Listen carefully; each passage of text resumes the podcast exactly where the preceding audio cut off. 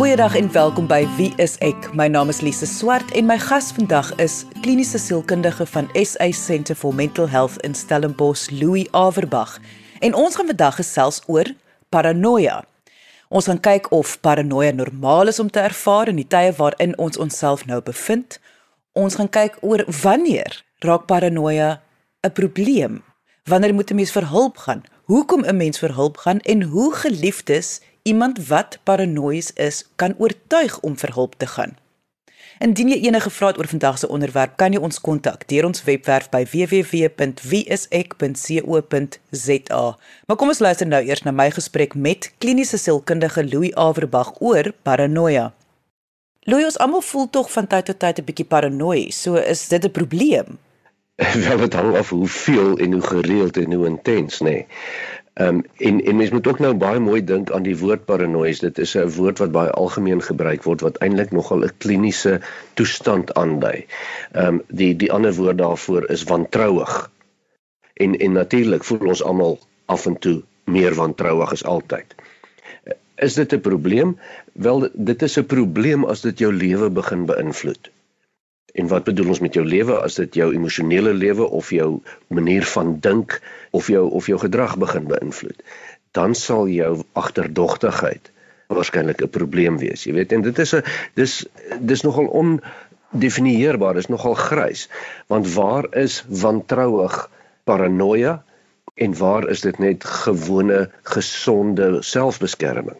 As mens in in vandag se tyd in 'n tyd van Covid bietjie wantrouig is teenoor ander mense wanneer jy na die supermark toe wil gaan dan is dit nogal redelik fundeerbaar nê nee. maar eintlik gaan paranoia wanneer dit regtig daaroor gaan dat daar 'n spesiale doel is om jou persoonlik te na te kom dit gaan oor die bedoeling daar agter Daar's 'n groot verskil tussen wantrouig om supermark toe te gaan want jy is nie seker of ander mense hulle sosiale afstand gaan hou en of hulle hulle maskers oordentlik wil dra nie versus jy wil nie so intoe gaan nie want daar is mense wat wag vir jou by die supermark en en hulle wil eintlik jou lewe vir jou onveilig maak. Hoe ernstig is paranoia veral wanneer dit 'n diagnose is want ek dink ons almal tog in die samelewing ervaar veral as mens hoor van mense wat paranoïes is, mens vind dit snaaks. Dit is so 'n snaakse ding om te hoor iemand is paranoïes. Iemand dink iemand wag vir hulle by die supermark. Ja, of of in ekstreme gevalle die radio praat met jou of die geheime polisie is daarop uit om jou te probeer in die hande kry ensovoorts ensovoorts. Daar is baie keer 'n komiese element daarin vir ons wat buitekant staan omdat dit so bizar is. Maar nou onthou, onthou paranoia per definisie as dit voorkom en dit kom voor in in 'n paar gevalle is 'n hoogs onaangename wantroue. Dit is 'n wat ons in die verlede genoem het 'n vervolgingswaan. So dit veroorsaak baie angstigheid by die persoon wat dit ervaar. Onthou die die uh, kern van paranoia is dat hulle daarop uit is om my te kry of dat daar magte besig is om saam te span om jou lewe, jou spesifiek, nie ons almal se nie, jou lewe te beïnvloed of iets met jou aan te vang. En en dit tas mense gedagtes aan. Onthou paranoia gaan oor 'n kognitiewe aantasting. Dit is nie so seer op 'n emosionele vlak nie. Dit tas jou gedagtes en jou manier van dink aan. En dit kan katastrofiese gevolge hê. Soos in die gevalle waar mense psigoties is en paranoïed psigoties is. En dalk voel dat die persoon saam met wie jy leef is daarop uit om jou dood te maak. En jy tree uit selfverdediging in jou waan op. En vermoor hierdie persoon uit selfverdediging. Maar dit is al die tyd net jou paranoia wat 'n rol speel. Nou goed, dis 'n baie ekstreme voorbeeld wat ek noem, maar dit het ook al gebeur.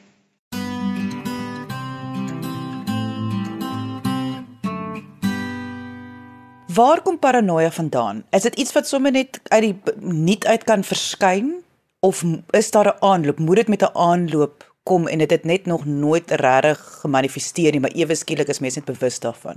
Nee, in sommige gevalle kom dit met 'n aanloop en sommige gevalle kan dit net verskyn. Kom ons noem 'n paar voorbeelde. Kom ons kyk waar kom paranoia voor. Daar is nie legio moontlikhede nie.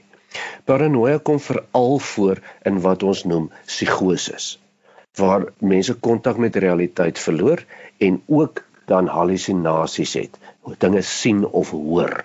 So meeste mense wat psigoties raak, raak ook paranoïed Onthou nou mense wat psigoties raak, dit kan korttermyn wees. Dit kan wees as gevolg van 'n dwelmmiddel of as gevolg van baie hoë angstigheid. Dit kom by baie verskillende tipes toestande voor wat wat mense psigoties kan raak. Dit kan korttermyn wees en vir daai oomblik verskielik raak jy paranoïed en na 'n tyd gaan dit verby. Paranoia kom ook baie sterk voor by skizofrenie. Die meeste mense, by verre die meeste mense wat met skizofrenie gediagnoseer is, is ook paranoïed of sukkel met paranoïde gedagtes. En hier praat ons dan van eintlik van iets wat geleidelik ontstaan hier in die vroeë volwassenheid en dan erger raak of kan raak soos wat die tyd aangaan. Dis 'n geleidelike ontwikkeling. As paranoia voorkom sonder dat daar halusinasies is. Met ander woorde dis net 'n dis net jou oortuigings. Jy's nie andersins psigoties nie en dit hou aan. Praat ons van 'n delusionele verstoring. Dit is 'n rare voorkoms, maar dit is dan mense wat gewoonlik goed kan funksioneer, maar baie beperk funksioneer omdat hulle 'n bizarre ding glo in hardnekkig daaraan vasklou soos byvoorbeeld dat die regering op ons spioneer deur al die duwe wat op die drade sit en ten spyte van alle bewyse absoluut daaraan vasklou dan kan ons ook sê dat paranoia kom baie voor by baie angsversteurings en daar's 'n baie groot verband tussen angstigheid en paranoia. Die twee voer mekaar.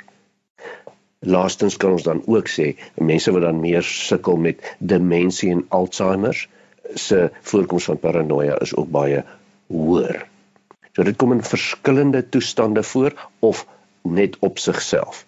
Laastens en hierdie is uiters raar kan dit wees dat paranoia so deel van iemand se menswees geword het. Dit is maar altyd so en dit gaan nog altyd so wees. En in daardie gevalle praat ons van paranoïde persoonlikheidsversteuring. En dit val dan in daai rare kategorie van die 10 persoonlikheidsversteurings waar narcisme, uh uh psigopatie en onder andere paranoïde persoonlikheidsversteuring voorkom, maar dit is baie rar. Toe jy nou sê dat paranoia en angs gaan hand aan hand of hulle hulle kan mekaar voed, die twee gaan baie keer saam. Mense met 'n vorm van 'n angsdiagnose of wat 'n diagnose het wat deel is van die angsfamilie, moet ons daaroor bekommerd wees? Moet ons bewus wees van paranoia? Definitief ja. Ehm um, jy weet dit is 'n komplekse verhouding tussen paranoia en angstigheid. Jy kan mos vir jouself dink, mense wat ek wil sê akut paranoïes is wat beteken dis nie af en toe nou net 'n gedagte nie. Dit jy jy's paranoïed. Jy jy jy is onder die indruk dat daar dinge besig is om teen jou op te bou met 'n plan daar agter. Natuurlik verhoog dit mense angstigheid. As dit is wat jy glo, gaan jy mos gaan jy mos nie ingenome wees daarmee nie. Jy gaan bekommerd wees daaroor. Maar dit is ook so dat mense wat meer angstig is oor die algemeen, ook meer geneig is tot paranoia ekstreme angstigheid kan ekstreme paranoia veroorsaak. Uh, dit is algemeen dat mense wat ekstreem angstig is onder akute omstandighede uh, raak kan psigoties raak en daarmee saam paranoïed raak. En ons almal ken daardie gedagtes van as ons begin bekommerd raak en ons raak gestres en dan begin die sê nou maar gedagtes kom. Sê nou maar dit was nie net 'n gewone kom kuier nie Eintlik wou hulle kom kyk wat in ons huis aangaan want hulle wil ons verneek. Dis 'n vorm van paranoia of wantroue wat geleidelik kan bou en dit kan baie angs veroorsaak. En dit gebeur eintlik baie maklik. Jy luister na Wie is ek op RCG 100 tot 104 FM. Vroeger het jy gesê dat paranoia kan amper soos mense lewe red. Dit is dit is 'n baie belangrike ervaring vir ons almal. Ons almal raak 'n bietjie of by tye kan ons paranoia ervaar. Maar nou wil ek weet as mens te lank dit ervaar, kan dit ek wil amper vra kan dit vashak? Kan dit vassit en en 'n patroon vorm wat dalk sleg kan raak vir 'n mens? Natuurlik, soos in die geval van skizofrenie en paranoïde skizofrenie. So of in die geval waar dit dan soos jy sê vashak praat ons dan van 'n delusionele verstoring, jy weet. Dit dit raak nader aan so dat 'n persoon op niks anders kan fokus nie.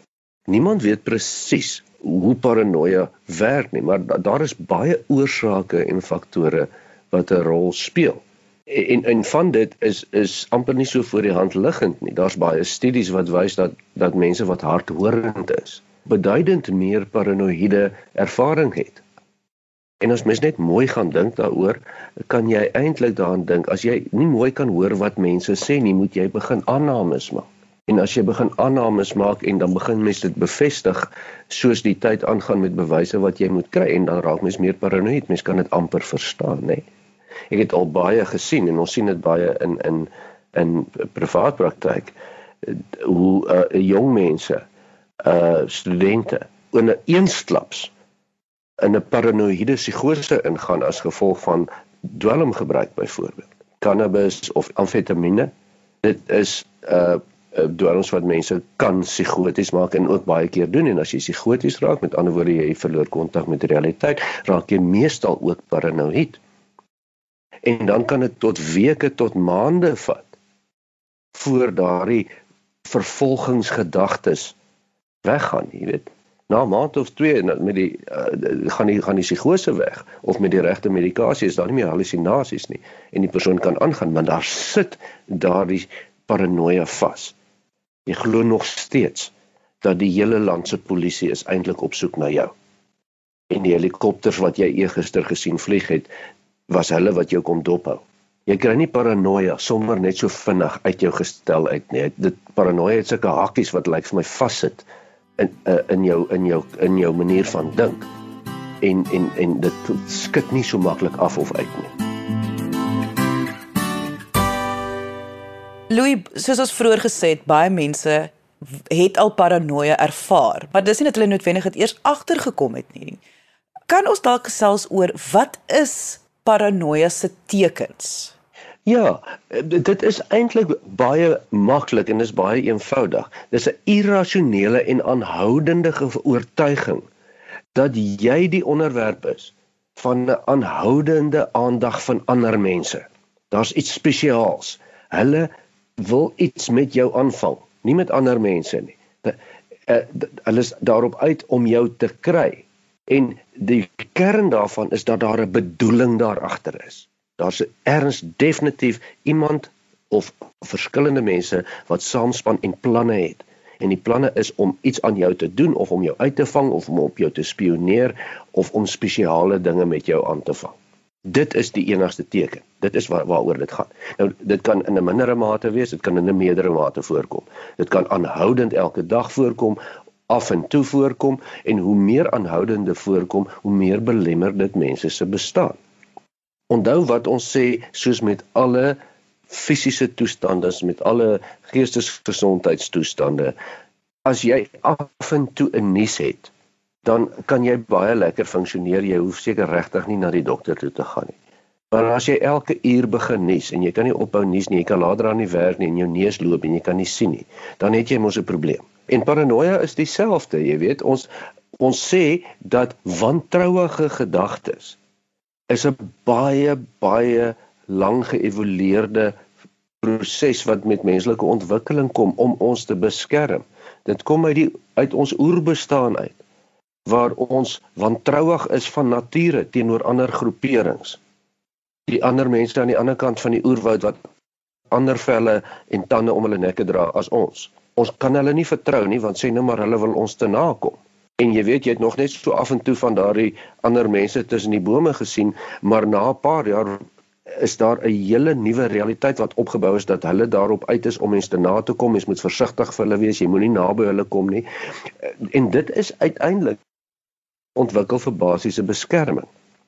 So as mens af en toe bietjie wantrouig is, selfs oormatig wantrouig, maar dit tas nie regtig jou lewe aan nie, dan is dit heeltemal oukei. Okay. Maar hoe meer jy begin jou roetes verander as jy van die werk af moet ry sodat hulle jou nie kan agtervolg nie of jou kan dophou om geheime inligting van jou eh, in te win nie. Hoe meer begin dit mos nou jou bestaan belemmer. En hoe meer begin dit 'n probleem raak. So dit gaan oor die weer eens die kwantiteit en die kwaliteit daarvan. Ek wil net byvoeg dat dat dit baie moeilik is om te onderskei tussen wat realiteit is en wat nie. Daar's baie mense wat glo dat die inentingsproses eintlik 'n geheime plan is van die regering om op mense te spioneer. Nou dis nie 10 mense nie, dis honderde duisende mense wat dit glo. En wanneer raak dit dan nou 'n belaglike paranoia of 'n samesweringsteorie en wanneer raak dit 'n realiteit? Raak dit 'n realiteit as 10 miljoen mense dit glo of net as 10000 mense dit glo? En ons moet baie mooi versigtig wees hier en dit is moeilike vandag se tyd met fopnuus wat die ronde doen met verskillende faktore wat 'n rol speel in hoe ons realiteit gedefinieer word om te onderskei tussen die sogenaamde realiteit of die waarheid en wat nonsens is. Dis ontsettend moeilik. Dit is van die moeilikste. Dit is die moeilikste wat dit nog ooit in die menslike geskiedenis was. So dis makliker vir mense om paranoia te ontwikkel.